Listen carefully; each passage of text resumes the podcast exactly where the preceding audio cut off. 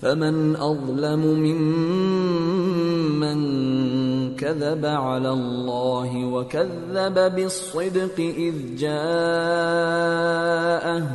أليس في جهنم مثوى للكافرين؟ والذي جاء بالصدق وصدق به اولئك هم المتقون. پھر اس سے بڑھ کر ظالم کون جو اللہ پر جھوٹ بولے اور سچی بات جب اس کے پاس پہنچ جائے تو اسے جھٹلائے کیا جہنم میں کافروں کا ٹھکانہ نہیں ہے؟ اور جو شخص سچی بات لے کر آیا اور جس نے اس کی تصدیق کی وہی لوگ متقی ہیں۔ لهم ما يشاءون عند ربهم ذلك جزاء المحسنين. ليكفر الله عنهم أسوأ الذي عملوا ويجزيهم أجرهم. ويجزيهم أجرهم بأحسن الذي كانوا يعملون وہ جو چاہیں گے ان کے لیے ان کے پروردگار کے پاس موجود ہے نیکو کاروں کا یہی بدلہ ہے تاکہ اللہ ان سے برائیوں کو جو انہوں نے کی دور کر دے اور نیک کاموں کا جو وہ کرتے رہے ان کو بدلہ دے۔ أليس الله بكاف عبده؟ ويخوفونك بالذين من دونه ومن يضلل الله فما له من هاد ومن يهد الله فما له من مضل أليس الله بعزيز ذي انتقام کیا اللہ اپنے بندے کو کافی نہیں؟ اور اے نبی، یہ تم کو ان لوگوں سے جو اللہ کے سوا ہیں یعنی غیر اللہ سے ڈراتے ہیں۔ اور جس کو اللہ گمراہ رہنے دے، اسے کوئی ہدایت دینے والا نہیں۔ اور جس کو اللہ ہدایت دے، اس کو کوئی گمراہ کرنے والا نہیں۔ کیا اللہ عزت والا بدلہ لینے والا نہیں ہے؟ وَلَئِن سَأَلْتَهُم مَّنْ خَلَقَ السَّمَاوَاتِ وَالْأَرْضَ لَيَقُولُنَّ اللَّهُ قُلْ أَفَرَأَيْتُم مَّا تَدْعُونَ مِن دُونِ اللَّهِ إِنْ أَرَادَنِيَ اللَّهُ بِضُرٍّ هَلْ هُنَّ كَاشِفَاتُ ضُرِّهِ أَوْ أَرَادَنِي بِرَحْمَةٍ هَلْ هُنَّ مُمْسِكَاتُ رَحْمَتِهِ؟ قُلْ حَسْبِيَ اللَّهُ. عَلَيْهِ يَتَوَكَّلُ الْمُتَوَكِّلُونَ. قُلْ يَا قَوْمِ اعْمَلُوا عَلَى مَكَانَتِكُمْ إِنِّي عَامِلٌ. فَسَوْفَ تَعْلَمُونَ. مَن يَأْتِيهِ عَذَابٌ يُخْزِيهِ وَيَحِلُّ عَلَيْهِ عَذَابٌ مُقِيمٌ. اور اگر تم ان سے پوچھو کہ آسمانوں اور زمین کو کس نے پیدا کیا تو کہہ دیں گے کہ اللہ نے۔ کہو کہ بھلا دیکھو تو جن کو تم اللہ کے سوا پکارتے ہو، اگر اللہ مجھ کو کوئی تکلیف پہنچانی چاہے تو کیا وہ اس تکلیف کو دور کر سکتی ہیں؟ یا اگر وہ مجھ پر مہربانی کرنا چاہے، تو کیا وہ اس کی مہربانی کو روک سکتے ہیں؟ کہہ دو کہ مجھے اللہ ہی کافی ہے، بھروسہ رکھنے والے اسی پر بھروسہ رکھتے ہیں۔ کہہ دو کہ اے قوم، تم اپنی جگہ عمل کیے جاؤ، میں اپنی جگہ عمل کیے جاتا ہوں۔ ان قریب تم کو معلوم ہو جائے گا کہ کس پر عذاب آتا ہے جو اسے رسوا کرے گا اور کس پر ہمیشہ کا عذاب نازل ہوتا ہے۔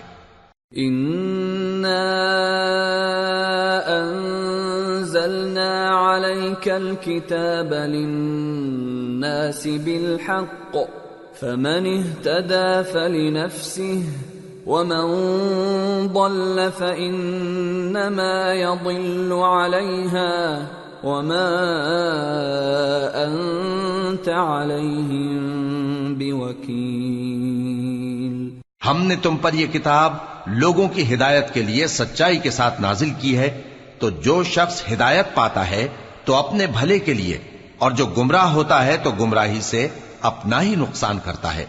اور اے پیغمبر، تم ان کے ذمہ دار نہیں ہو۔ اللہ يتوفى الانفس حين موتها والتي لم تمت في منامها۔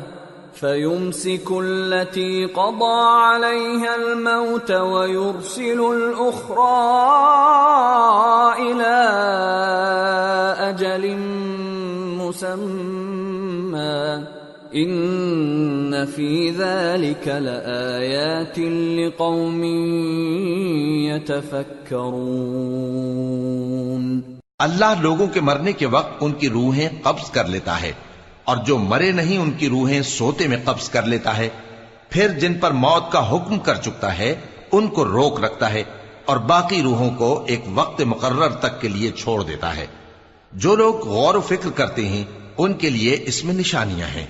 ام اتخذوا من دون الله شفعاء قل اولو كانوا لا يملكون شيئا ولا يعقلون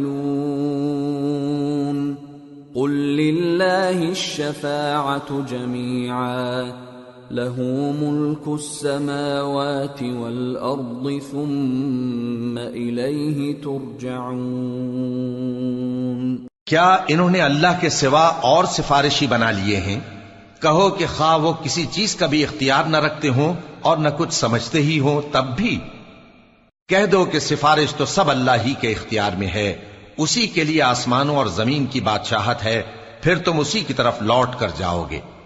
وَإِذَا ذُكِرَ اللَّهُ وَحْدَهُ اشْمَأَزَّتْ قُلُوبُ الَّذِينَ لَا يُؤْمِنُونَ بِالْآخِرَةِ وَإِذَا ذُكِرَ الَّذِينَ مِن دُونِهِ إِذَا هُمْ يَسْتَبْشِرُونَ قل اللهم فاطر السماوات والارض عالم الغيب والشهاده انت تحكم بين عبادك فيما كانوا فيه يختلفون اور جب ایک اکیلے اللہ کا ذکر کیا جاتا ہے تو جو لوگ آخرت پر ایمان نہیں رکھتے، ان کے دل گھٹ جاتے ہیں۔ اور جب اللہ کے سوا اوروں کا ذکر کیا جاتا ہے تو فوراً خوش ہو جاتے ہیں۔ کہو کہ اے اللہ، اے آسمانوں اور زمین کے پیدا کرنے والے، پوشیدہ اور ظاہر کے جاننے والے، تو ہی اپنے بندوں میں ان باتوں کا جن میں وہ اختلاف کرتے رہے ہیں فیصلہ کرے گا۔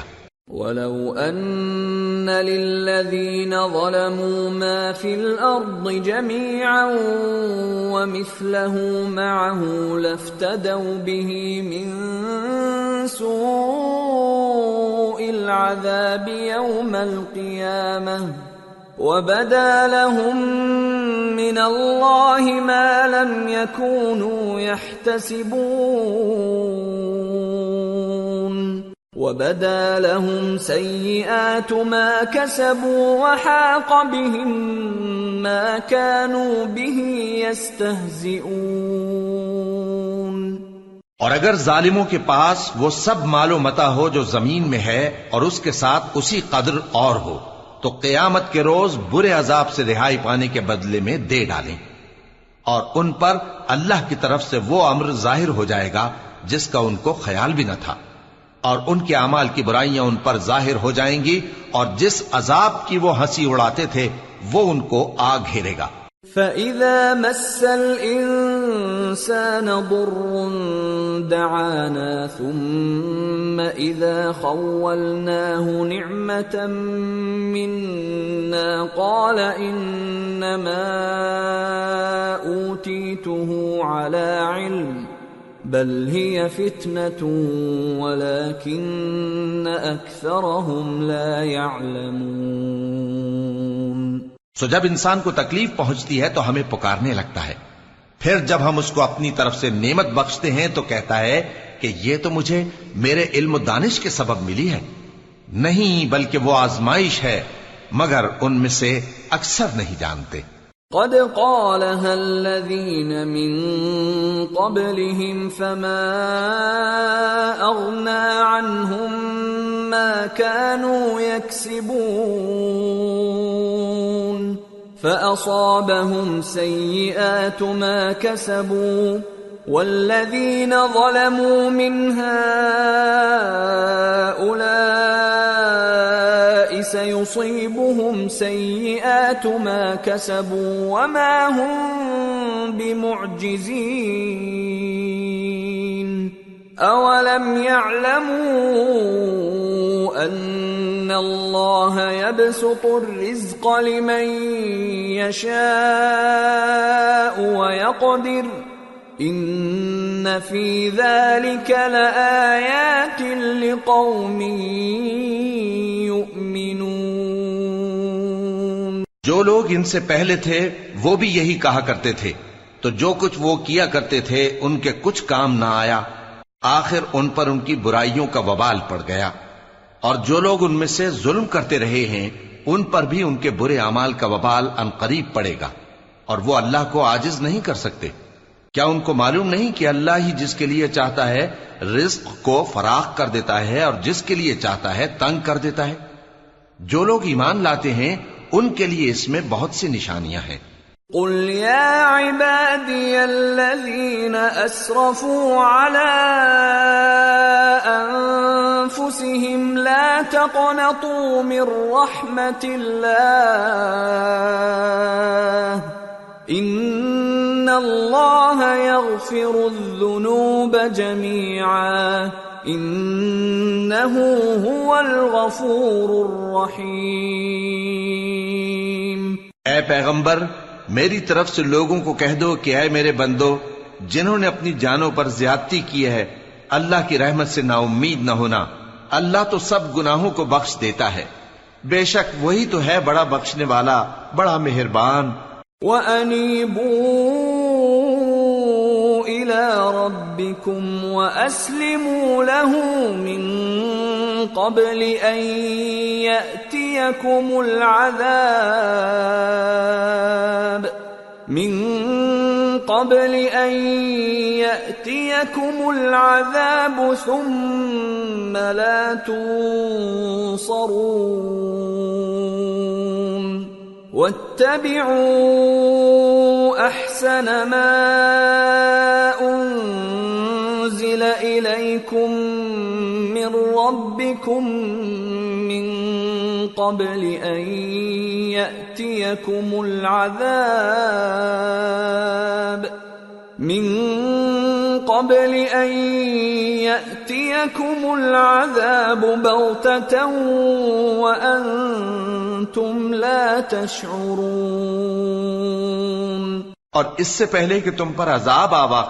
ہو اپنے پروردگار کی طرف رجوع کرو اور اس کے فرما بردار ہو جاؤ، ورنہ بعد میں تم کو مدد نہیں ملے گی۔ اور اس سے پہلے کہ تم پر ناگہاں عذاب آ جائے اور تم کو خبر بھی نہ ہو، اس نہایت اچھی کتاب کی جو تمہارے پروردگار کی طرف سے تمہاری جانب نازل ہوئی ہے، پیروی کرو۔ تقول نفس يا حسرتا على ما فرطت في جنب الله وإن كنت لمن الساخرين. أو تقول لو أن الله هداني لكنت من المتقين. أو تقول حين ترى العذاب لو أن لي كرة فأكون من المحسنين۔ ایسا نہ ہو کہ اس وقت کوئی شخص کہنے لگے کہ ہائے اس کوتاہی پر افسوس ہے جو میں نے اللہ کا حق ماننے میں کی اور میں تو ہنسی ہی کرتا رہا۔ یا یہ کہنے لگے کہ اگر اللہ مجھ کو ہدایت دیتا تو میں بھی پرہیزگاروں میں ہوتا۔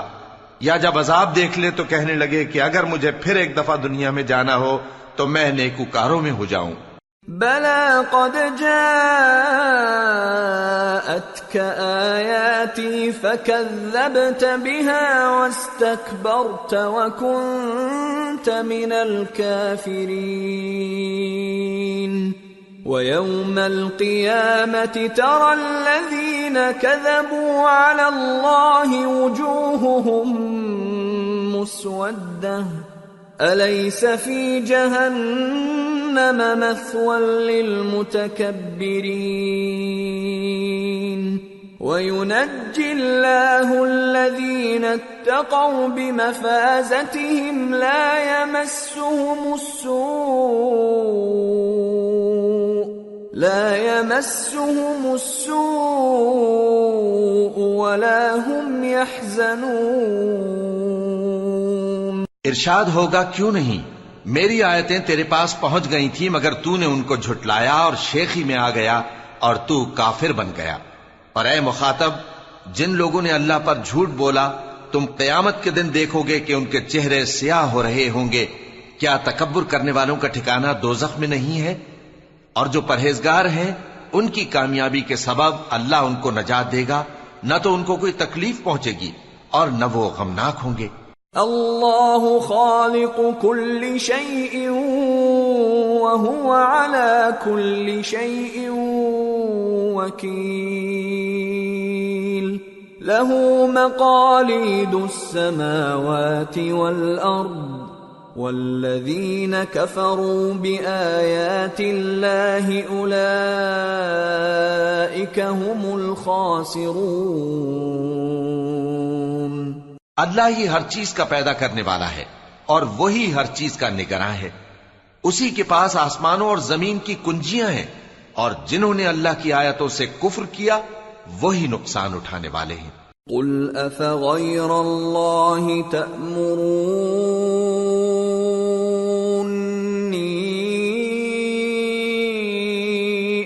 اعبد أيها الجاهلون. ولقد أوحي إليك وإلى الذين من قبلك لئن أشركت ليحبطن عملك ولتكونن من الخاسرين. بل الله فاعبد وكن من الشاكرين کہہ دو کہ اے نادانو تو کیا تم مجھ سے یہ کہتے ہو کہ میں غیر اللہ کی پرستش کرنے لگوں؟ اور اے پیغمبر، تمہاری طرف اور ان پیغمبروں کی طرف جو تم سے پہلے ہو چکے ہیں، یہی وہی بھیجی گئی ہے کہ اگر تم نے شرک کیا، تو تمہارے اعمال برباد ہو جائیں گے، اور تم نقصان اٹھانے والوں میں ہو جاؤ گے۔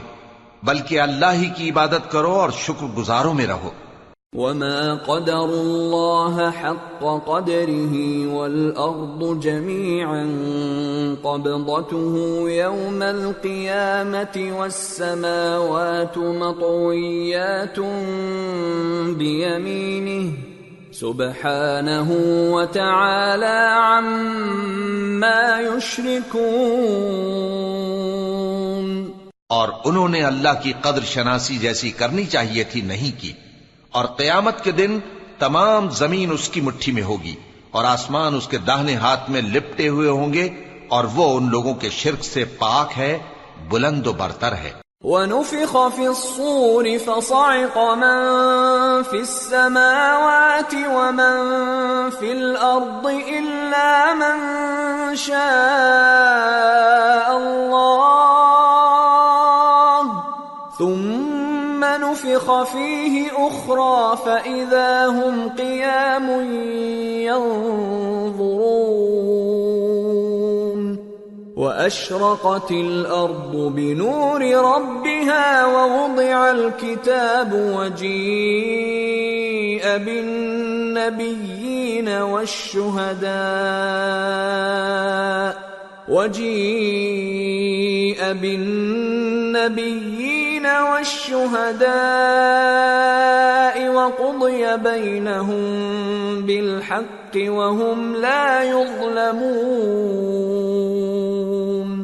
ووفيت كل نفس ما عملت وهو أعلم بما يفعلون اور جب سور پھونکا جائے گا تو جو لوگ آسمانوں میں ہیں اور جو زمین میں ہیں، سب بے ہوش ہو کر گر پڑیں گے، مگر وہ جس کو اللہ چاہے۔ پھر دوسری دفعہ سور پھونکا جائے گا تو فوراً سب کھڑے ہو کر دیکھنے لگیں گے۔ اور زمین اپنے پروردگار کے نور سے چمک اٹھے گی اور اعمال کی کتاب کھول کر رکھ دی جائے گی۔ اور پیغمبر اور دوسرے گواہ حاضر کیے جائیں گے اور ان میں انصاف سے فیصلہ کیا جائے گا اور ان کے ساتھ بے انصافی نہیں کی جائے گی۔ اور جس شخص نے جو عمل کیا ہوگا، اس کو اس کا پورا پورا بدلہ مل جائے گا، اور جو کچھ یہ کرتے ہیں، اس کو سب کی خبر ہے۔ وسيق الذين كفروا إلى جهنم زمرا حتى إذا جاءوها فتحت أبوابها وقال لهم خزنتها وقال لهم خزنتها ألم يأتكم رسل منكم يتلون عليكم آيات ربكم وينذرونكم وينذرونكم لقاء يومكم هذا قالوا بلى ولكن حقت كلمة العذاب على الكافرين. قيل ادخلوا أبواب جهنم خالدين فيها فبئس مثوى المتكبرين. اور کافر گروہ گروہ کر کے جہنم کی طرف ہانکے جائیں گے، یہاں تک کہ جب وہ اس کے پاس پہنچ جائیں گے تو اس کے دروازے کھول دیے جائیں گے۔ اور اس کے داروغہ ان سے کہیں گے کہ کیا تمہارے پاس تمہیں میں سے پیغمبر نہیں آئے تھے جو تم کو تمہارے پروردگار کی آیتیں پڑھ پڑھ کر سناتے اور تمہارے اس دن کے پیش آنے سے تمہیں ڈراتے تھے؟ وہ کہیں گے، کیوں نہیں؟ لیکن کافروں کے حق میں عذاب کا حکم ثابت ہو چکا تھا۔ کہا جائے گا کہ دوزک کے دروازوں میں داخل ہو جاؤ، ہمیشہ اس میں رہو گے۔ سو تکبر کرنے والوں کا برا ٹھکانہ ہے۔ وسيق الذين اتقوا ربهم الى الجنه زمرا۔ حتى إذا جاءوها وفتحت أبوابها وقال لهم خزنتها سلام عليكم طبتم فادخلوها خالدين. وقالوا الحمد لله الذي صدقنا وعده وأورثنا الأرض نتبوأ من الجنة حيث نشاء فنعم أجر العاملين اور جو لوگ اپنے پروردگار سے ڈرتے ہیں، ان کو گروہ گروہ کر کے بہشت کی طرف لے جایا جائے گا۔ یہاں تک کہ جب وہ اس کے پاس پہنچ جائیں گے، اس حال میں کہ اس کے دروازے کھولے جا چکے ہوں گے اور اس کے داروغہ ان سے کہیں گے کہ تم پر سلام ہو، تم بہت اچھے رہے۔ اب اس میں ہمیشہ کے لیے داخل ہو جاؤ۔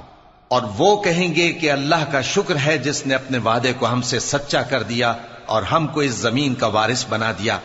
ہم بہشت میں جہاں چاہیں رہیں، تو اچھے عمل کرنے والوں کا بدلہ بھی کیسا خوب ہے۔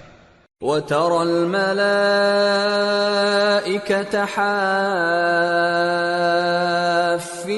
من حول العرش يسبحون بحمد ربهم وقضي بينهم بالحق وقيل الحمد لله رب العالمين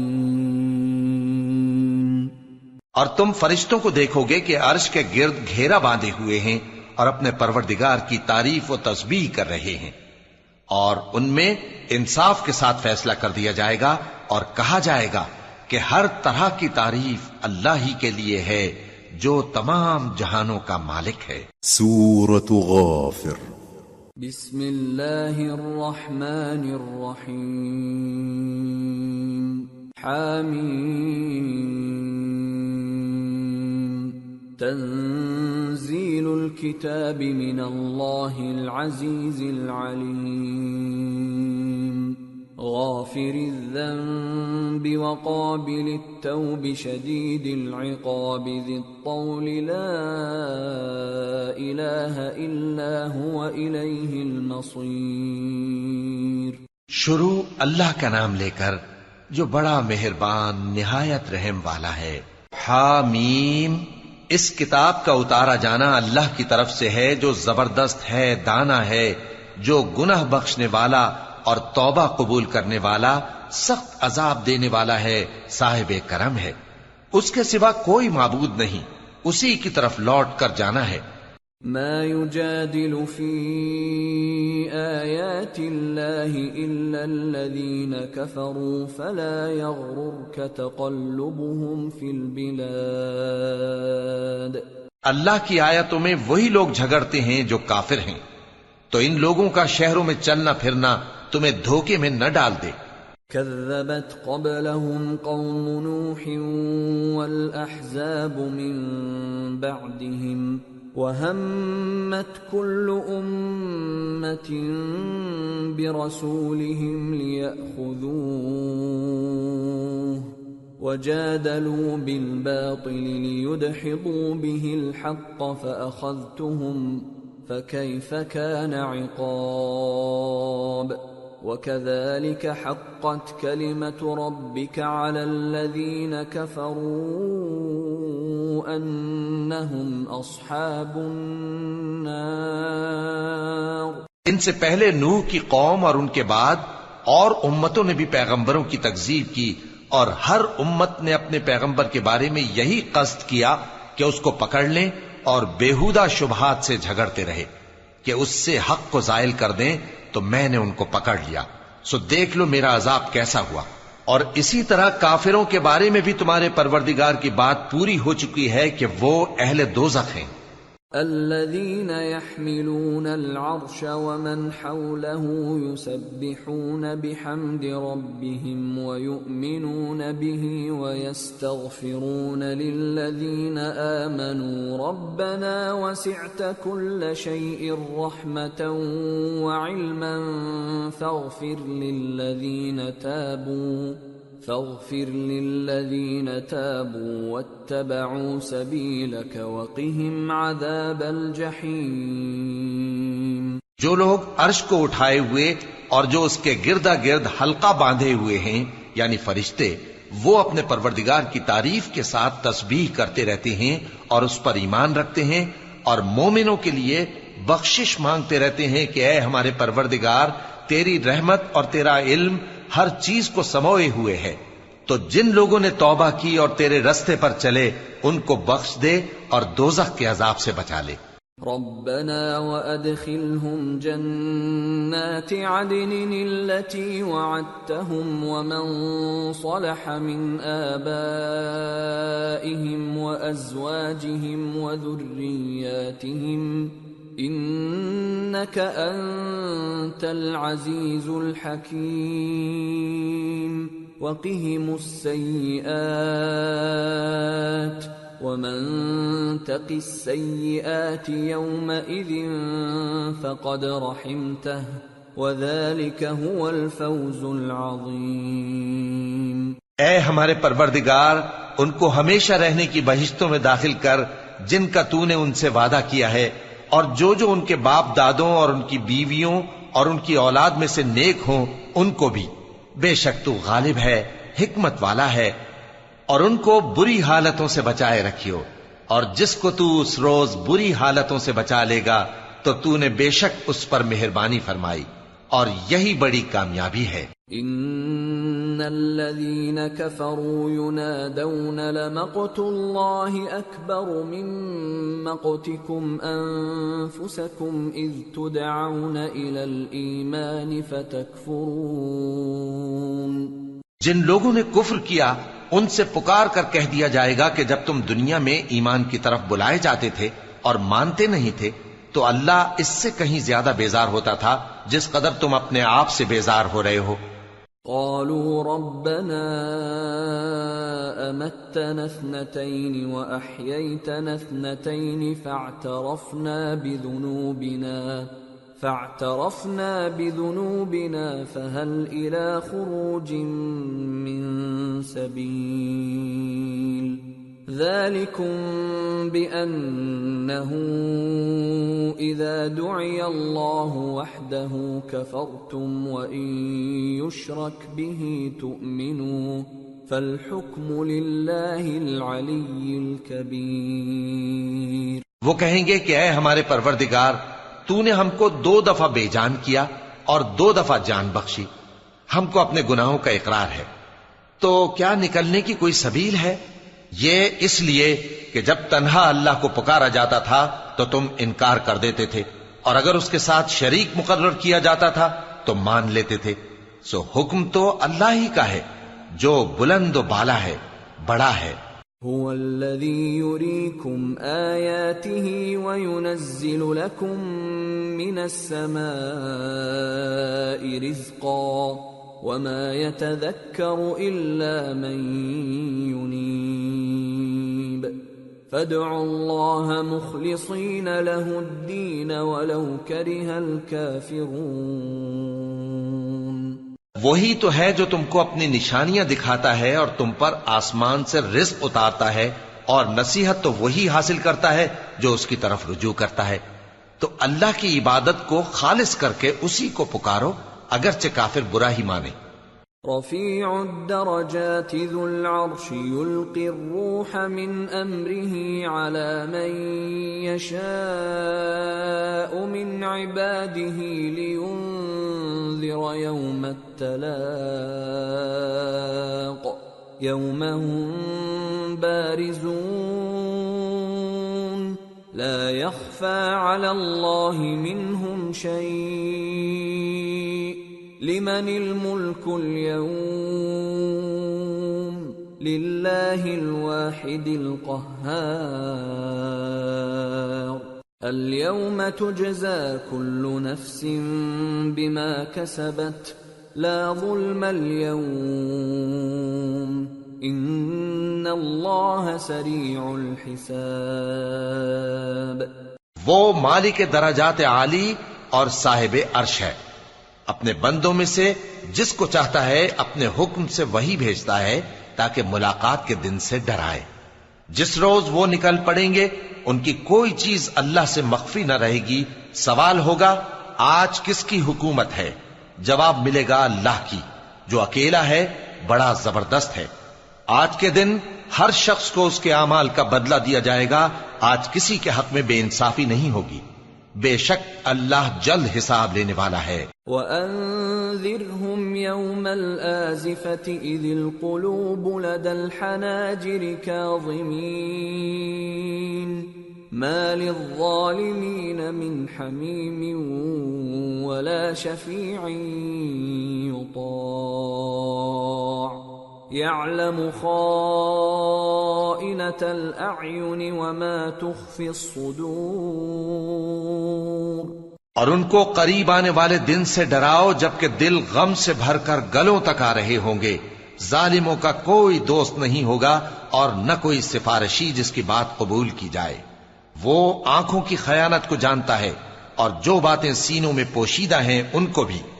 واللہ یقضی بالحق والذین يدعون من دونه لا يقضون بشيء ان اللہ هو السمیع البصیر اور اللہ سچائی کے ساتھ فیصلہ فرماتا ہے اور جن کو یہ لوگ پکارتے ہیں وہ کچھ بھی فیصلہ نہیں کر سکتے۔ بے شک اللہ سننے والا ہے دیکھنے والا ہے۔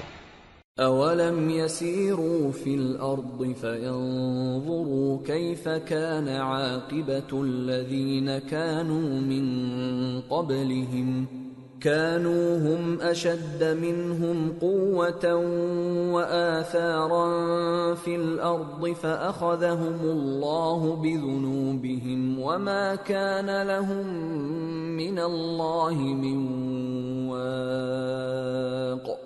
ذلك بأنهم كانت تأتيهم رسلهم بالبينات فكفروا فأخذهم الله. إنه قوي شديد العقاب. کیا انہوں نے زمین میں سیر نہیں کی تاکہ دیکھ لیتے کہ جو لوگ ان سے پہلے تھے ان کا انجام کیسا ہوا وہ ان سے زور اور زمین میں نشانات بنانے کے لحاظ سے کہیں بڑھ کر تھے۔ تو اللہ نے ان کو، ان کے گناہوں کے سبب پکڑ لیا اور ان کو اللہ کے عذاب سے کوئی بھی بچانے والا نہ تھا۔ یہ اس لیے کہ ان کے پاس پیغمبر کھلی دلیلیں لاتے تھے تو وہ کفر کرتے تھے۔ سو اللہ نے ان کو پکڑ لیا۔ بے شک وہ صاحب قوت ہے، سخت عذاب دینے والا ہے۔ وَلَقَدْ أَرْسَلْنَا مُوسَى بِآيَاتِنَا وَسُلْطَانٍ مُبِينٍ إِلَى فِرْعَوْنَ وَهَامَانَ وَقَارُونَ فَقَالُوا سَاحِرٌ كَذَّابٌ. فَلَمَّا جَاءَهُم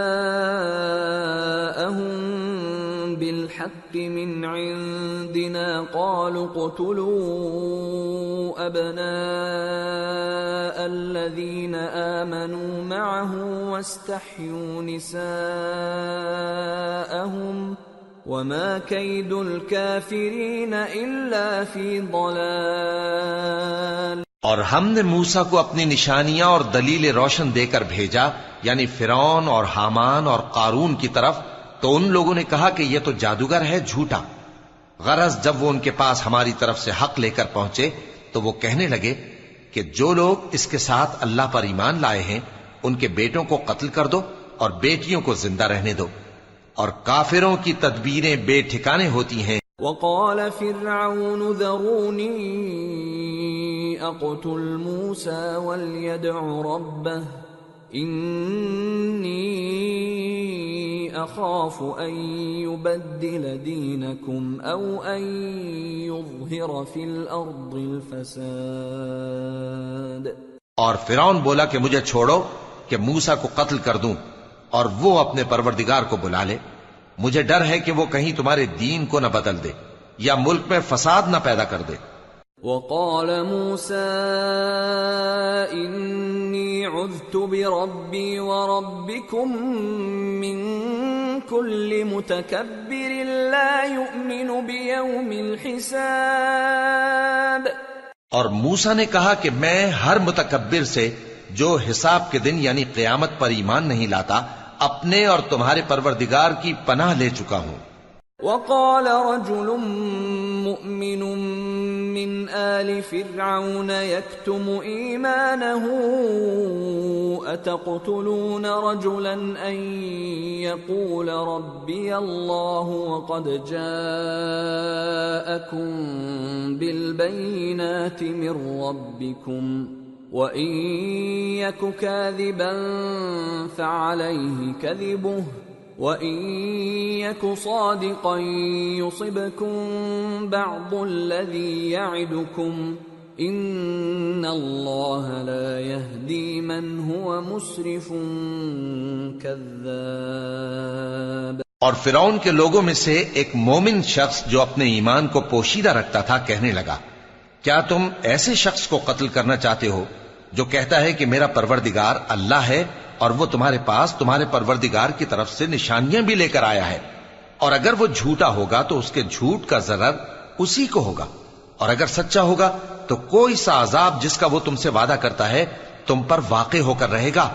بے شک اللہ اس شخص کو ہدایت نہیں دیتا جو حد سے گزرنے والا ہے، بڑا جھوٹا ہے۔ يا قوم لكم الملك اليوم ظاهرين في الأرض فمن ينصرنا من بأس الله إن جاءنا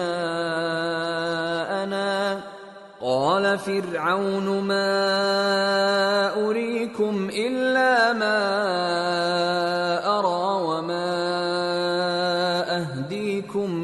أرى الرشاد اے قوم آج تمہاری ہی حکومت ہے اور تم ہی ملک میں غالب ہو لیکن اگر ہم پر اللہ کا عذاب آ گیا تو اس کے دور کرنے کے لیے ہماری مدد کون کرے گا؟ فرعون نے کہا کہ میں تمہیں وہی بات سجھاتا ہوں جو مجھے سوجی ہے اور وہی راہ بتاتا ہوں جس میں بھلائی ہے۔ وقال الذي آمن يا قوم أخاف عليكم مثل يوم الأحزاب. مثل دأب قوم نوح وعاد وثمود والذين من بعدهم وما الله يريد ظلما للعباد. تو جو مومن تھا وہ کہنے لگا کہ اے قوم مجھے تمہاری نسبت خوف ہے کہ تم پر دوسری امتوں کی طرح کے دن کا عذاب آ جائے۔ جیسے نوح کی قوم اور عاد اور سمود اور جو لوگ ان کے بعد آئے ہیں، ان کے حال کی طرح تمہارا حال نہ ہو جائے۔ اور اللہ تو بندوں پر ظلم کرنا نہیں چاہتا۔ وَيَا قَوْمِ إِنِّي أَخَافُ عَلَيْكُمْ يَوْمَ التَّنَادِ يَوْمَ تُوَلُّونَ مُدْبِرِينَ مَا لَكُمْ مِنَ اللَّهِ مِنْ عَاصِمٍ وَمَنْ يُضْلِلِ اللَّهُ فَمَا لَهُ مِنْ هَادٍ اور اے قوم، مجھے تمہاری نسبت پکار کے دن یعنی روز قیامت کا خوف ہے۔ جس دن تم پیٹ پھیر کر قیامت کے میدان سے بھاگو گے، اس دن تم کو کوئی عذاب الہی سے بچانے والا نہ ہوگا۔ اور جس شخص کو اللہ گمراہ رہنے دے، اس کو کوئی ہدایت دینے والا نہیں۔ وَلَقَدْ جَاءَكُمْ يُوسُفُ مِنْ قَبْلُ بِالْبَيِّنَاتِ فَمَا زِلْتُمْ فِي شَكٍّ مِّمَّا جَاءَكُمْ حَتَّى إِذَا هَلَكَ قُلْتُمْ لَنْ يَبْعَثَ اللَّهُ مِنْ بَعْدِهِ رَسُولًا. كذلك يضل الله من هو مسرف مرتاب.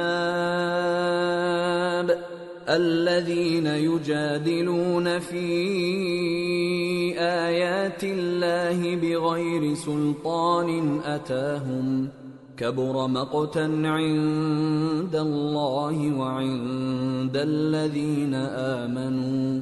كذلك يطبع الله على كل قلب متكبر جبار. اور پہلے یوسف بھی تمہارے پاس کھلی باتیں لے کر آئے تھے، تو جو وہ لائے تھے، اس کی طرف سے تم برابر شک ہی میں رہے۔ یہاں تک کہ جب وہ وفات پا گئے، تو تم کہنے لگے کہ اللہ ان کے بعد کبھی کوئی پیغمبر نہیں بھیجے گا۔ اسی طرح اللہ اس شخص کو گمراہ رہنے دیتا ہے جو حد سے نکل جانے والا، شک کرنے والا ہو۔ جو لوگ بغیر اس کے کہ ان کے پاس کوئی دلیل آئی ہو، اللہ کی آیتوں میں جھگڑتے ہیں۔ اللہ کے نزدیک اور مومنوں کے نزدیک جھگڑا سخت ناپسند ہے۔ اسی طرح اللہ ہر متکبر سرکش کے دل پر مہر لگا دیتا ہے۔ وقال فرعون يا هامان ابن لي صرحا لعلي أبلغ الأسباب. أسباب السماوات فأطلع إلى إله موسى وإني لأظنه كاذبا. وكذلك زين لفرعون سوء عمله وصد عن السبيل وما كيد فرعون إلا في تباب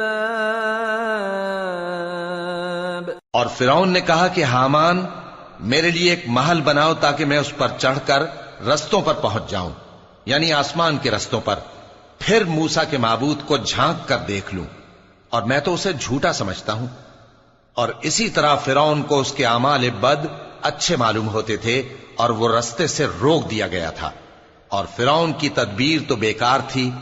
وقال الذي آمن يا قوم اتبعون أهدكم سبيل الرشاد۔ يا قوم إنما هذه الحياة الدنيا متاع وإن الآخرة هي دار القرار من عمل سيئة فلا يجزى إلا مثلها ومن عمل صالحا من ذكر أو أنثى وهو مؤمن فأولئك فأولئك يدخلون الجنة يرزقون فيها بغير حساب. اور وہ شخص جو مومن تھا اس نے کہا کہ بھائیو میرے پیچھے چلو میں تمہیں بھلائی کا رستہ دکھاؤں گا۔ بھائیو، یہ دنیا کی زندگی چند روز فائدہ اٹھانے کی چیز ہے اور جو آخرت ہے، وہی ہمیشہ رہنے کا گھر ہے۔ جو برے کام کرے گا، اس کو بدلہ بھی ویسا ہی ملے گا۔ اور جو نیک کام کرے گا، مرد ہو یا عورت، جبکہ وہ صاحب ایمان بھی ہو، تو ایسے لوگ بہشت میں داخل ہوں گے، وہاں ان کو بے حساب رزق ملے گا۔ ويا قوم ما لي أدعوكم إلى النجاة وتدعونني إلى النار. تدعونني لأكفر بالله وأشرك به ما ليس لي به علم وأنا أدعوكم إلى العزيز الغفار.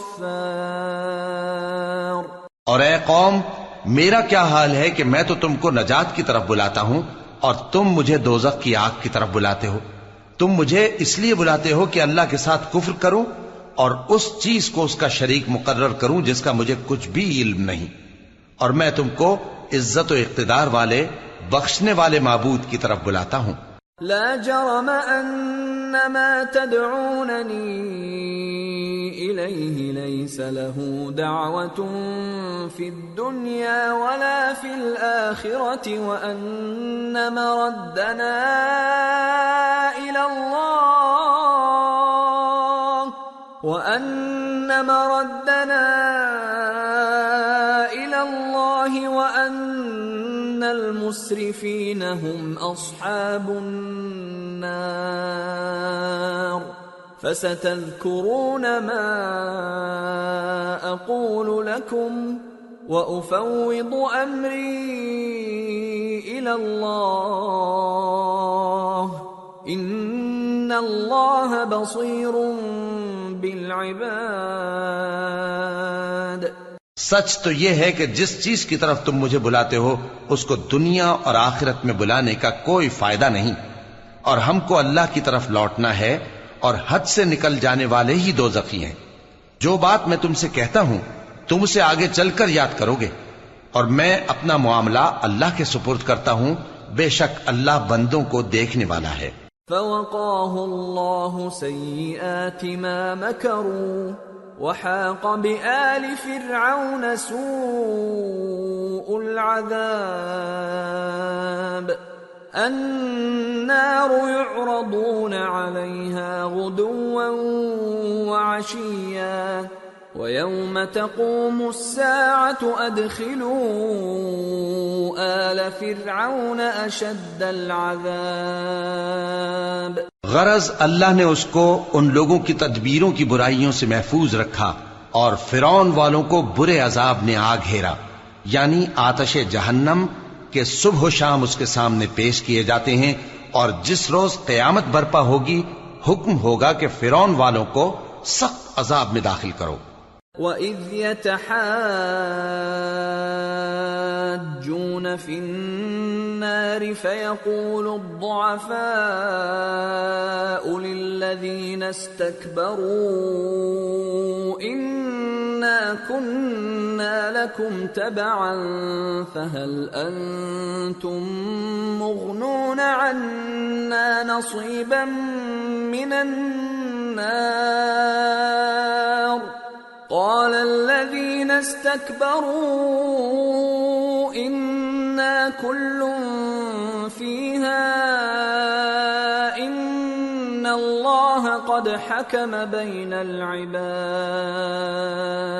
اور جب وہ دوزخ میں جھگڑیں گے تو غریب لوگ بڑے آدمیوں سے کہیں گے کہ ہم تو تمہارے تابع تھے، تو کیا تم دوزخ کے عذاب کا کچھ حصہ ہم سے دور کر سکتے ہو؟ بڑے آدمی کہیں گے کہ تم بھی اور ہم بھی سب دوزخ میں ہیں۔ اللہ بندوں میں فیصلہ کر چکا ہے۔ وقال الذين في النار لخزنة جهنم ادعوا ربكم يخفف عنا يوما من العذاب۔ قالوا أولم تك تأتيكم رسلكم بالبينات؟ قالوا بلى. قالوا فادعوا. وما دعاء الكافرين إلا في ضلال. اور جو لوگ آگ میں جل رہے ہوں گے، وہ دوزخ کے داروغوں سے کہیں گے کہ اپنے پروردگار سے پکار کر کہو کہ وہ ایک روز تو ہم سے تھوڑا سا عذاب ہلکا کر دے۔ وہ کہیں گے کہ کیا تمہارے پاس تمہارے پیغمبر نشانیاں لے کر نہیں آئے تھے؟ دوزخی کہیں گے کیوں نہیں؟ تو وہ کہیں گے کہ تم ہی پکار لو اور کافروں کی پکار اس روز بیکار ہوگی۔ لننصر رسلنا والذين آمنوا في الحياة الدنيا ويوم يقوم الأشهاد يوم لا ينفع الظالمين معذرتهم ولهم اللعنة ولهم سوء الدار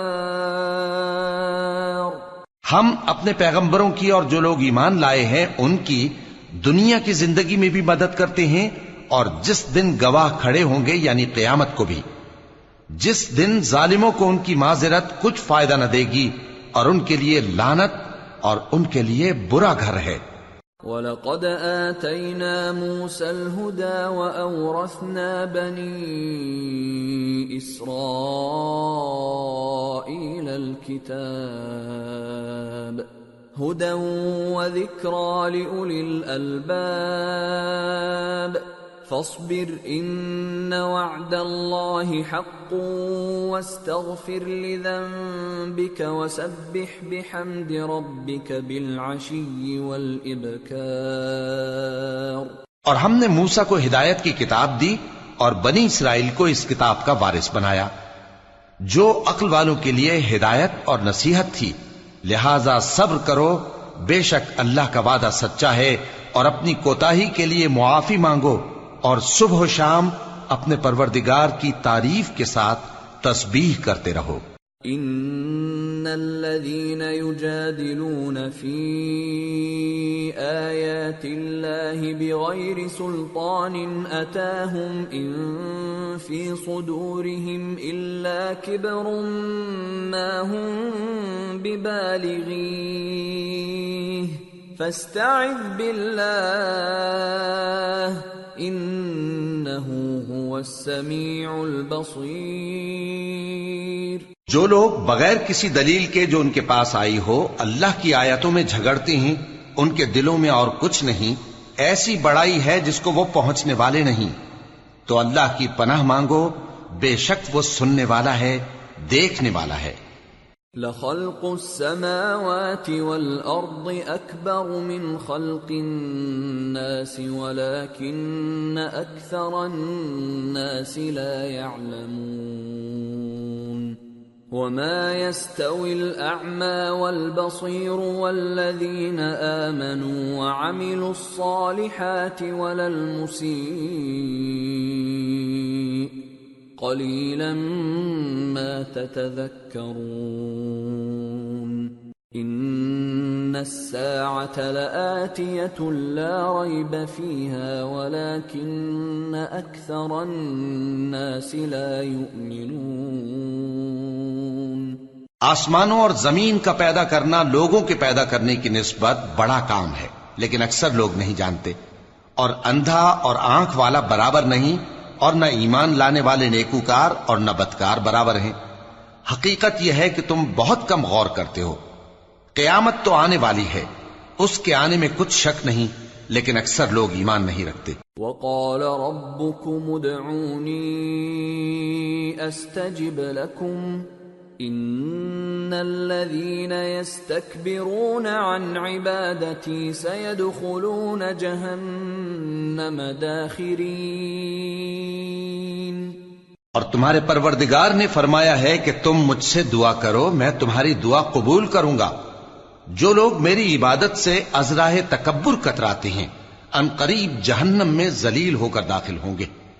الله الذي جعل لكم الليل لتسكنوا فيه والنهار مبصرا. إن الله لذو فضل على الناس ولكن أكثر الناس لا يشكرون. اللہ ہی تو ہے جس نے تمہارے لیے رات بنائی کہ اس میں آرام کرو اور دن کو روشن بنایا کہ اس میں کام کرو۔ بے شک اللہ لوگوں پر فضل کرنے والا ہے، لیکن اکثر لوگ شکر نہیں کرتے۔ ذلكم الله ربكم خالق كل شيء لا اله الا هو فأنا تؤفكون۔ كذلك يؤفك الذين كانوا بآيات الله يجحدون۔ یہی اللہ تمہارا پروردگار ہے جو ہر چیز کا پیدا کرنے والا ہے، اس کے سوا کوئی معبود نہیں، پھر تم کہاں سے بھٹکائے جاتے ہو؟ اسی طرح وہ لوگ بھٹکائے جاتے تھے جو اللہ کی آیتوں سے انکار کرتے تھے۔ الله الذي جعل لكم الأرض قرارا والسماء بناء وصوركم فأحسن صوركم ورزقكم من الطيبات ذلكم الله ربكم فتبارك الله رب العالمين هو الحي لا اله الا هو فادعوه مخلصين له الدين. الحمد لله رب العالمين. اللہ ہی تو ہے جس نے زمین کو تمہارے لیے ٹھہرنے کی جگہ اور آسمان کو چھت بنایا اور تمہاری صورتیں بنائیں اور صورتیں بھی اچھی بنائیں اور تمہیں پاکیزہ چیزیں کھانے کو دیں یہی اللہ تمہارا پروردگار ہے، سو اللہ رب العالمین بہت ہی بابرکت ہے۔ وہی زندہ جاوید ہے، اس کے سوا کوئی عبادت کے لائق نہیں، تو اس کی عبادت کو خالص کر کے اسی کو پکارو۔ ہر طرح کی تعریف اللہ ہی کے لیے ہے، جو تمام جہانوں کا پروردگار ہے۔ قل انی نہیت ان اعبد الذین تدعون من دون اللہ لما جاءنی البینات من ربی وامرت ان اسلم لرب العالمین اے نبی، کہہ دو کہ مجھے اس بات کی ممانعت کی گئی ہے کہ جن کو تم اللہ کے سوا پکارتے ہو، ان کی پرستش کرو۔ اور میں ان کی پرستش کیسے کروں جبکہ میرے پاس میرے پروردگار کی طرف سے کھلی دلیلیں آ چکی ہیں اور مجھ کو حکم یہ ہوا ہے کہ پروردگار عالم ہی کا فرما بردار رہوں۔ هو الذي خلقكم من تراب ثم من نطفة ثم من علقة ثم يخرجكم طفلا ثم لتبلغوا أشدكم ثم لتكونوا شيوخا ومنكم من يتوفى من قبل ولتبلغوا اجلا مسمى ولعلكم تعقلون وہی تو ہے جس نے تم کو پہلے مٹی سے پیدا کیا، پھر نطفہ بنا کر، پھر لوتھڑا بنا کر، پھر تم کو بچہ بنا کر نکالتا ہے، پھر تم اپنی جوانی کو پہنچتے ہو پھر بوڑھے ہو جاتے ہو اور کوئی تم میں سے پہلے ہی مر جاتا ہے اور آخر تم موت کے وقت مقرر تک پہنچ جاتے ہو اور تاکہ تم سمجھو۔ هو الذي يحيي ويميت۔ فإذا قضى أمرا فإنما يقول له كن فيكون۔ وہی تو ہے جو زندگی اور موت دیتا ہے۔ پھر جب وہ کوئی کام کرنا یعنی کسی کو پیدا کرنا چاہتا ہے، تو اس سے کہہ دیتا ہے کہ ہو جا، تو وہ ہو جاتا ہے۔ أَلَمْ تَرَ إِلَى الَّذِينَ يُجَادِلُونَ فِي آيَاتِ اللَّهِ أَنَّا يُصْرَفُونَ الَّذِينَ كَذَّبُوا بِالْكِتَابِ وَبِمَا أَرْسَلْنَا بِهِ رُسُلَنَا فَسَوْفَ يَعْلَمُونَ. إِذِ الْأَغْلَالُ فِي أَعْنَاقِهِمْ وَالسَّلَاسِلُ يُسْحَبُونَ. فِي الْحَمِيمِ ثُمَّ فِي النَّارِ يُسْجَرُونَ. کیا تم نے ان لوگوں کو نہیں دیکھا جو اللہ کی آیتوں میں جھگڑتے ہیں؟ یہ کہاں سے پھیرے جاتی ہیں؟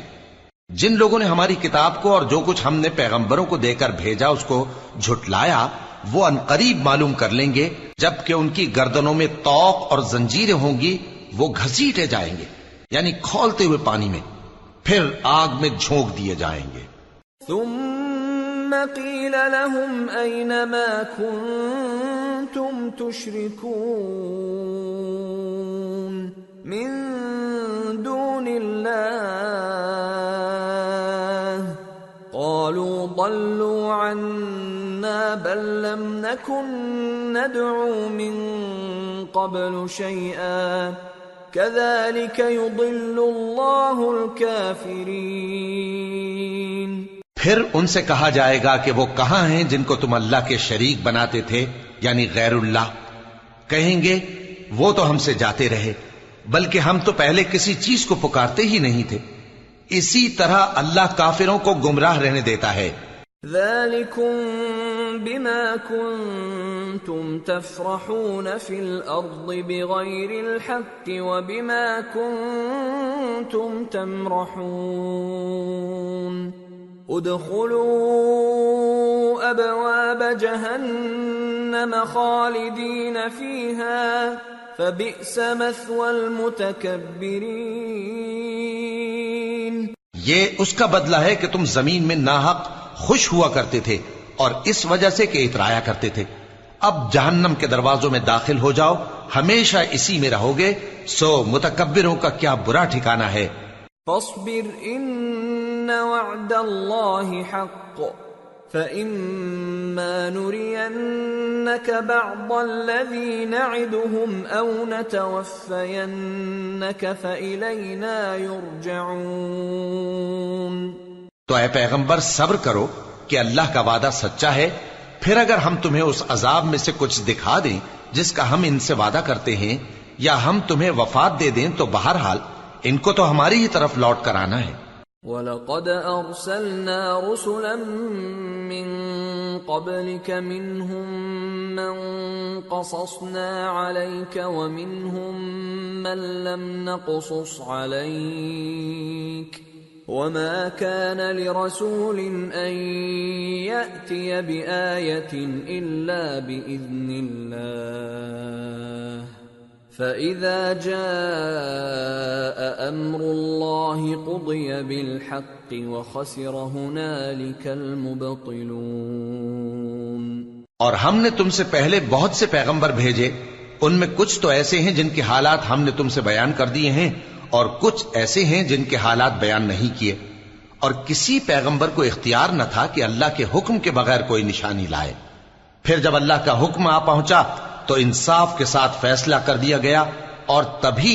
اہل باطل نقصان میں پڑ گئے اللہ الذي جعل لكم الأنعام لتركبوا منها ومنها تأكلون ولكم فيها منافع ولتبلغوا عليها حاجة في صدوركم وعليها وعلى الفلك تحملون ويريكم آياته فأي آيات الله تنكرون اللہ ہی تو ہے جس نے تمہارے لیے چوپائے بنائے تاکہ ان میں سے بعض پر تم سوار ہو اور بعض کو تم کھاتے ہو اور تمہارے لیے ان میں اور بھی فائدے ہیں۔ اور اس لیے بھی کہ اگر کہیں جانے کی تمہارے دلوں میں خواہش ہو تو ان پر چڑھ کر وہاں پہنچ جاؤ اور ان پر اور کشتیوں پر تم سوار ہوتے ہو۔ اور وہ تمہیں اپنی نشانیاں دکھاتا رہتا ہے، سو تم اللہ کی کن کن نشانیوں کو نہ مانو گے۔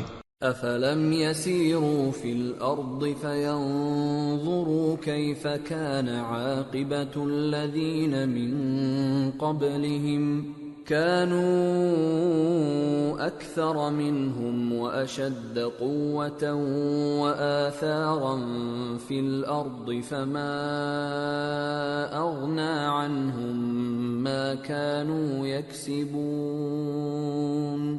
کیا ان لوگوں نے زمین میں سیر نہیں کی تاکہ دیکھتے کہ جو لوگ ان سے پہلے تھے، ان کا انجام کیسا ہوا؟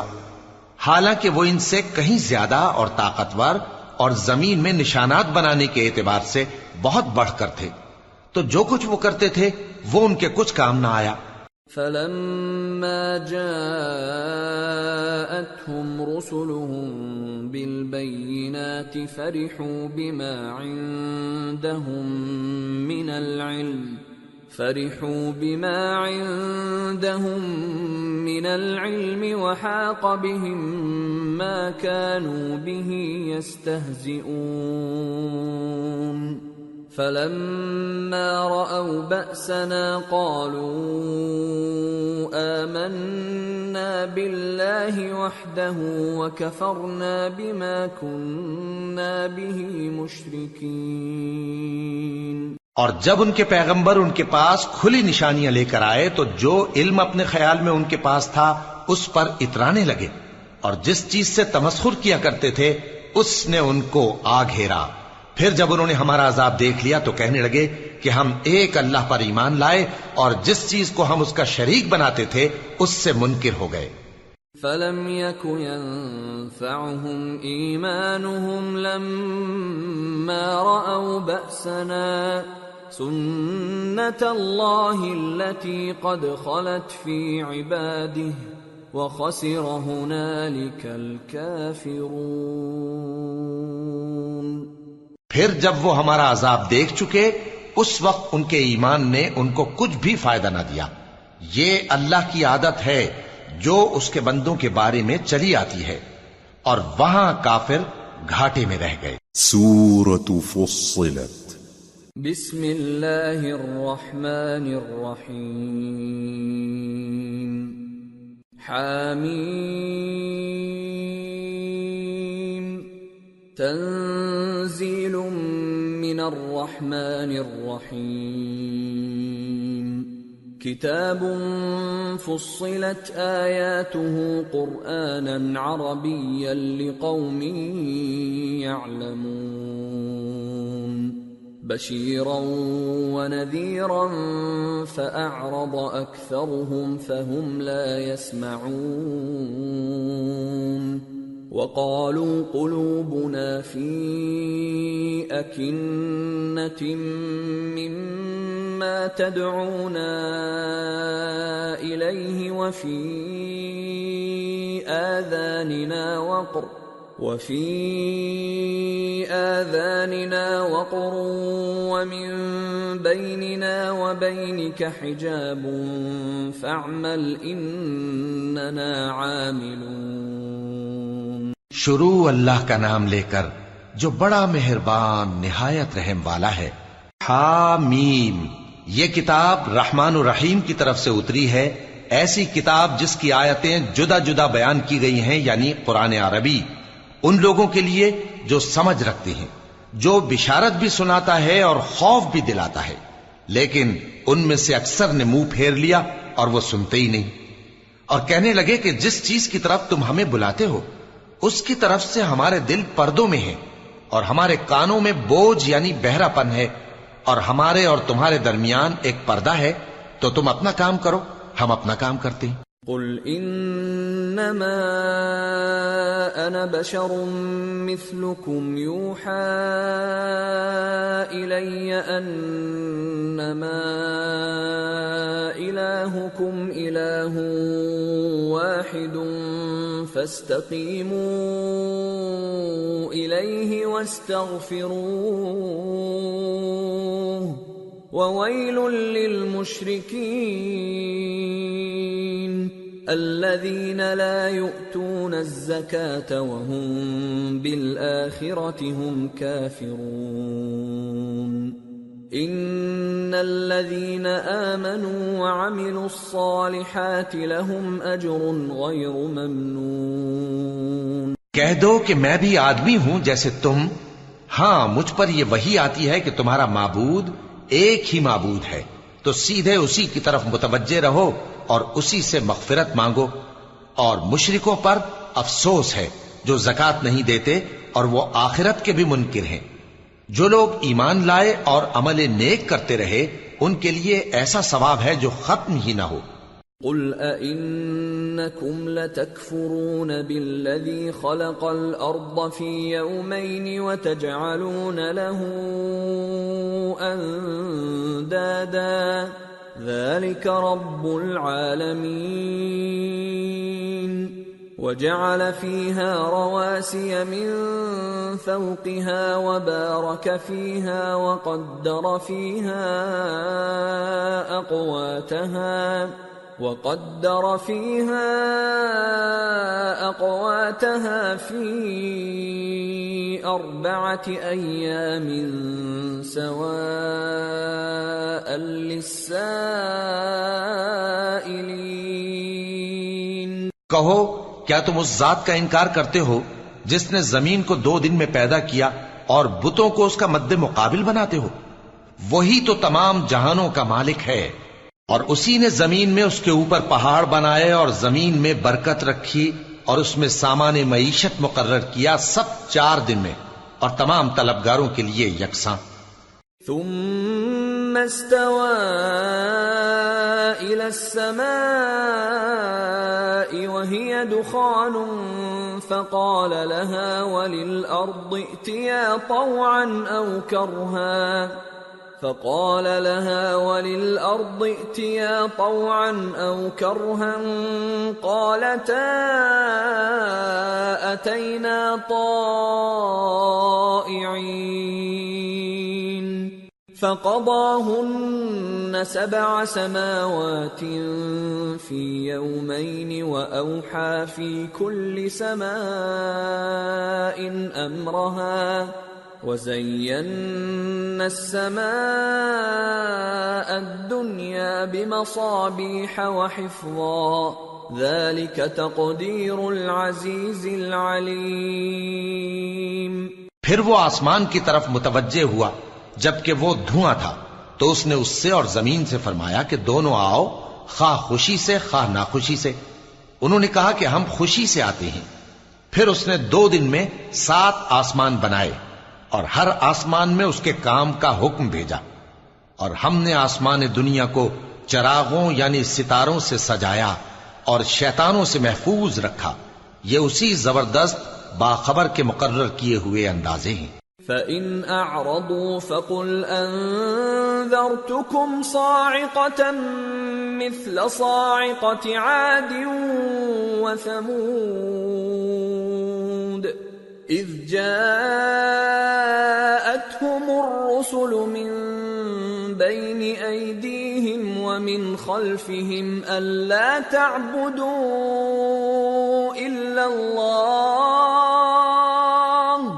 قالوا لو شاء ربنا لأنزل ملائكة بما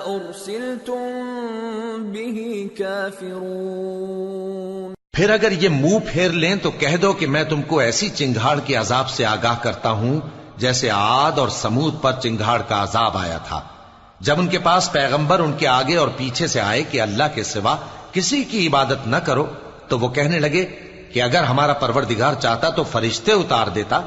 سو جو تم دے کر بھیجے گئے ہو ہم اس کو نہیں مانتے فأما عاد فاستكبروا في الأرض بغير الحق وقالوا من أشد منا قوة أولم يروا أن الله الذي خلقهم هو أشد منهم قوة وكانوا بآياتنا يجحدون اب جو عاد والے تھے، وہ ناحق ملک میں تکبر کرنے لگے اور کہنے لگے کہ ہم سے بڑھ کر قوت میں کون ہے؟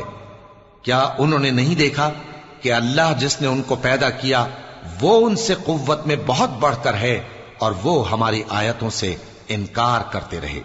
فأرسلنا عليهم ريحا صرصرا في أيام نحسات لنذيقهم لنذيقهم عذاب الخزي في الحياة الدنيا ولعذاب الآخرة أخزى. وهم لا ينصرون تو ہم نے بھی ان پر نحوست کے دنوں میں زور کی آندھی چلائی تاکہ ان کو دنیا کی زندگی میں ذلت کے عذاب کا مزہ چکھا دیں۔ اور آخرت کا عذاب تو بہت ہی ذلیل کرنے والا ہے اور اس روز ان کو مدد بھی نہ ملے گی۔ وَأَمَّا ثَمُودُ فَهَدَيْنَاهُمْ فَاسْتَحَبُّوا الْعَمَى عَلَى الْهُدَى فَأَخَذَتْهُمْ صَاعِقَةُ الْعَذَابِ الْهُونِ فَأَخَذَتْهُمْ صَاعِقَةُ الْعَذَابِ الْهُونِ بِمَا كَانُوا يَكْسِبُونَ ونجينا الذين آمنوا وكانوا يتقون. اور جو سمود والے تھے ان کو ہم نے سیدھا رستہ دکھا دیا تھا مگر انہوں نے ہدایت کے مقابلے میں اندھا رہنا پسند کیا۔ تو ان کے اعمال کی سزا میں ذلت کے عذاب کی کڑک نے ان کو آ پکڑا۔ اور جو ایمان لائے اور پرہیزگار رہے ان کو ہم نے بچا لیا۔ وَيَوْمَ يُحْشَرُ أَعْدَاءُ الله إلى النار فهم يوزعون. حتى إذا ما جاءوها شهد عليهم سمعهم وأبصارهم وجلودهم بما كانوا يعملون. اور جس دن اللہ کے دشمن دوزخ کی طرف اکھٹے کیے جائیں گے پھر ان کی الگ الگ جماعتیں بنائی جائیں گی۔ یہاں تک کہ جب دوزخ کے پاس پہنچ جائیں گے، تو ان کے کان اور آنکھیں اور کھالیں یعنی دوسرے اعضا ان کے خلاف ان کے اعمال کی شہادت دیں گے۔ وقالوا لجلودهم لم شهدتم علينا؟ قالوا انطقنا الله الذي انطق كل شيء وهو خلقكم أول مرة وإليه ترجعون وما كنتم تستترون أن يشهد عليكم سمعكم ولا أبصاركم ولا جلودكم ولكن ظننتم أن الله لا يعلم كثيرا مما تعملون اور وہ اپنی کھالوں یعنی آزا سے کہیں گے کہ تم نے ہمارے خلاف کیوں شہادت دی؟ وہ کہیں گی کہ جس اللہ نے سب چیزوں کو نطق بخشا، اسی نے ہم کو بھی گویائی دی۔ اور اسی نے تم کو پہلی بار پیدا کیا تھا، اور اسی کی طرف تم لوٹائے جا رہے ہو۔ اور تم اس بات کے خوف سے تو پردہ نہیں کرتے تھے کہ تمہارے کان اور تمہاری آنکھیں اور کھالیں تمہارے خلاف شہادت دیں گی، بلکہ تم یہ خیال کرتے تھے کہ اللہ کو تمہارے بہت سے اعمال کی خبر ہی نہیں۔ وَذَلِكُمْ ظَنُّكُمُ الَّذِي ظَنَنْتُمْ بِرَبِّكُمْ أَرْدَاكُمْ فَأَصْبَحْتُمْ مِنَ الْخَاسِرِينَ اور اسی خیال نے جو تم اپنے پروردگار کے بارے میں رکھتے تھے، تم کو ہلاک کر دیا اور تم خسارہ پانے والوں میں ہو گئے۔ فَإِن يَصْبِرُوا فَالنَّارُ مَثْوًى لَهُمْ وَإِن يَسْتَعْتِبُوا فَمَا هُمْ مِنَ الْمُعْتَبِينَ وَقَيَّضْنَا لَهُمْ قُرَنَاءَ فَزَيَّنُوا لَهُم ما بين أيديهم وما خلفهم وحق عليهم القول. وحق عليهم القول في أمم قد خلت من قبلهم من الجن والإنس إنهم كانوا خاسرين. اب اگر یہ صبر کریں گے تو بھی ان کا ٹھکانہ دوزخ ہی ہے اور اگر توبہ کریں گے تو ان کی توبہ قبول نہیں کی جائے گی۔ اور ہم نے ان کے ایسے ساتھی بنائے جنہوں نے ان کے اگلے اور پچھلے اعمال ان کو عمدہ کر دکھائے تھے۔ اور جنات اور انسانوں کی جماعتیں جو ان سے پہلے گزر چکی ان پر بھی اللہ کے عذاب کا وعدہ پورا ہو گیا۔ بے شک یہ نقصان اٹھانے والے ہیں۔ وقال الذين كفروا لا تسمعوا لهذا القرآن والغوا فيه لعلكم تغلبون۔ فلنذيقن الذين كفروا عذابا شديدا ولنجزينهم اسوا الذي كانوا يعملون. اور کافر کہنے لگے کہ اس قرآن کو سنا ہی نہ کرو اور جب پڑھنے لگے تو شور مچا دیا کرو تاکہ تم غالب رہو۔ سو ہم بھی کافروں کو سخت عذاب کے مزے چکھائیں گے اور ان کے برے اعمال کی جو وہ کرتے تھے سزا دیں گے۔ ذلك جزاء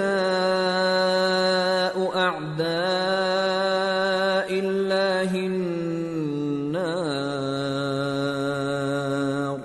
لهم فيها دار الخلد. جزاء بما كانوا بآياتنا يجحدون.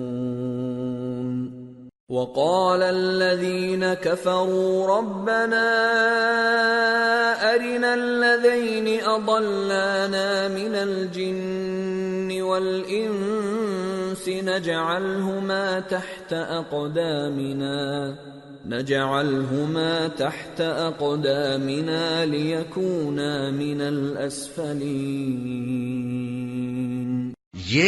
کے دشمنوں کا بدلہ ہے یعنی دوزخ۔ ان کے لیے اسی میں ہمیشہ کا گھر ہے۔ یہ اس کی سزا ہے کہ ہماری آیتوں سے انکار کرتے تھے۔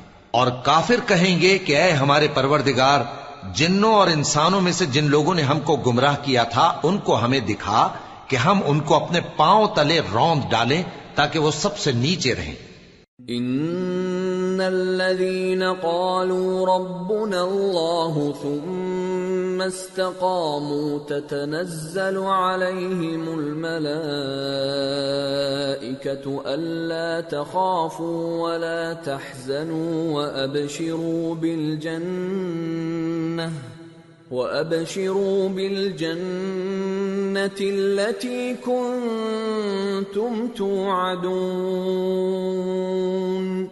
نحن أولياؤكم في الحياة الدنيا وفي الآخرة ولكم فيها ما تشتهي أنفسكم ولكم فيها ما تدعون. نزلا من غفور رحيم. جن لوگوں نے کہا کہ ہمارا پروردگار اللہ ہے پھر وہ اس پر قائم رہے، ان پر فرشتے اتریں گے اور کہیں گے کہ نہ خوف کرو اور نہ غمناک ہو اور بہشت کی جس کا تم سے وعدہ کیا جاتا ہے، خوشی مناؤ۔ ہم دنیا کی زندگی میں بھی تمہارے دوست تھے اور آخرت میں بھی تمہارے رفیق ہیں اور وہاں جس نعمت کو تمہارا جی چاہے گا، تم کو ملے گی۔ اور جو چیز طلب کرو گے، تمہارے لیے موجود ہوگی۔ یہ بخشنے والے مہربان کی طرف سے مہمانی ہے۔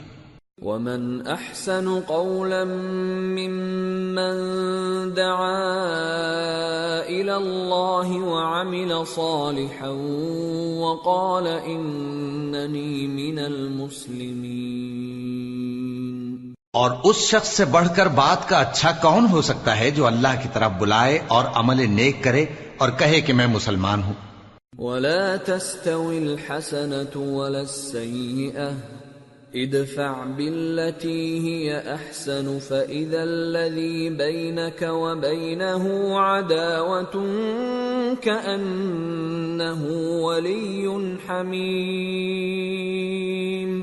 وما يلقاها إلا الذين صبروا وما يلقاها إلا ذو حظ عظيم وإما ينزغنك من الشيطان نزغ فاستعذ بالله انه هو السميع العليم۔ اور بھلائی اور برائی برابر نہیں ہو سکتی، تو سخت کلامی کا ایسے طریق سے جواب دو جو بہت اچھا ہو۔ ایسا کرنے سے تم دیکھو گے کہ جس میں اور تم میں دشمنی تھی، وہ تمہارا گرم جوش دوست ہے۔ اور یہ بات انہی لوگوں کو حاصل ہوتی ہے جو برداشت کرنے والے ہیں، اور انہی کو نصیب ہوتی ہے جو بڑے صاحب نصیب ہیں۔ اور اگر تمہیں شیطان کی جانب سے کوئی وسوسہ پیدا ہو تو اللہ کی پناہ مانگ لیا کرو۔ بے شک وہ سنتا ہے، جانتا ہے۔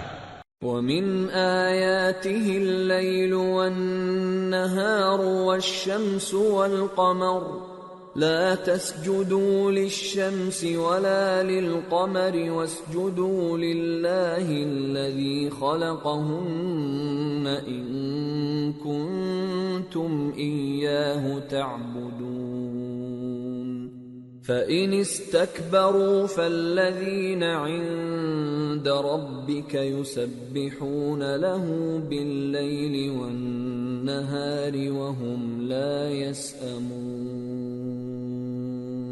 اور رات اور دن اور سورج اور چاند اس کی نشانیوں میں سے ہیں۔ تم لوگ نہ تو سورج کو سجدہ کرو اور نہ چاند کو، بلکہ اللہ ہی کو سجدہ کرو جس نے ان چیزوں کو پیدا کیا ہے۔ اگر تم کو اس کی عبادت منظور ہے۔ پھر اگر یہ لوگ سرکشی کریں تو اللہ بھی ان سے بے نیاز ہے۔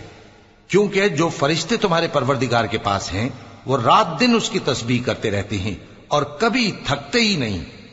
ومن آياته أنك ترى الأرض خاشعة فإذا أنزلنا عليها الماء اهتزت وربت.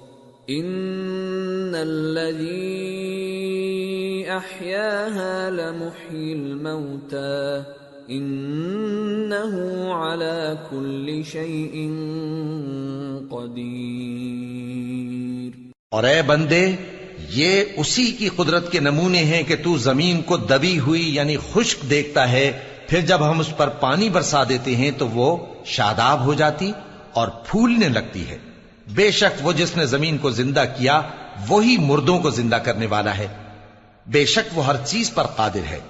ان الذين يلحدون في اياتنا لا يخفون علينا افمن يلقى في النار خير ام من ياتي امنا يوم القيامه اعملوا ما شئتم إنه بما تعملون بصير. إن الذين كفروا بالذكر لما جاءهم وإنه لكتاب عزيز. لا ياتيه الباطل من بين يديه ولا من خلفه تنزيل من حكيم حميد. بے شک جو لوگ ہمارے احکام سے انحراف کرتے ہیں، وہ ہم سے پوشیدہ نہیں ہیں۔ بھلا جو شخص دوزخ میں ڈالا جائے، وہ بہتر ہے یا وہ جو قیامت کے دن بے خوف ہو کر آئے۔ تو خیر، جو چاہو سو کر لو۔ جو کچھ تم کرتے ہو، وہ اس کو دیکھ رہا ہے۔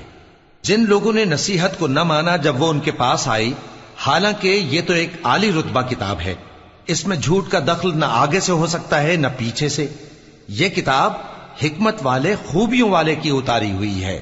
ما يقال لك الا ما قد قيل للرسل من قبلك۔ ان ربك لذو مغفرة وذو عقاب أليم اے پیغمبر، تم سے وہی باتیں کہی جاتی ہیں جو تم سے پہلے پیغمبروں سے بھی کہی گئی تھیں۔ بے شک تمہارا پروردگار بخش دینے والا بھی ہے اور عذاب علیم دینے والا بھی۔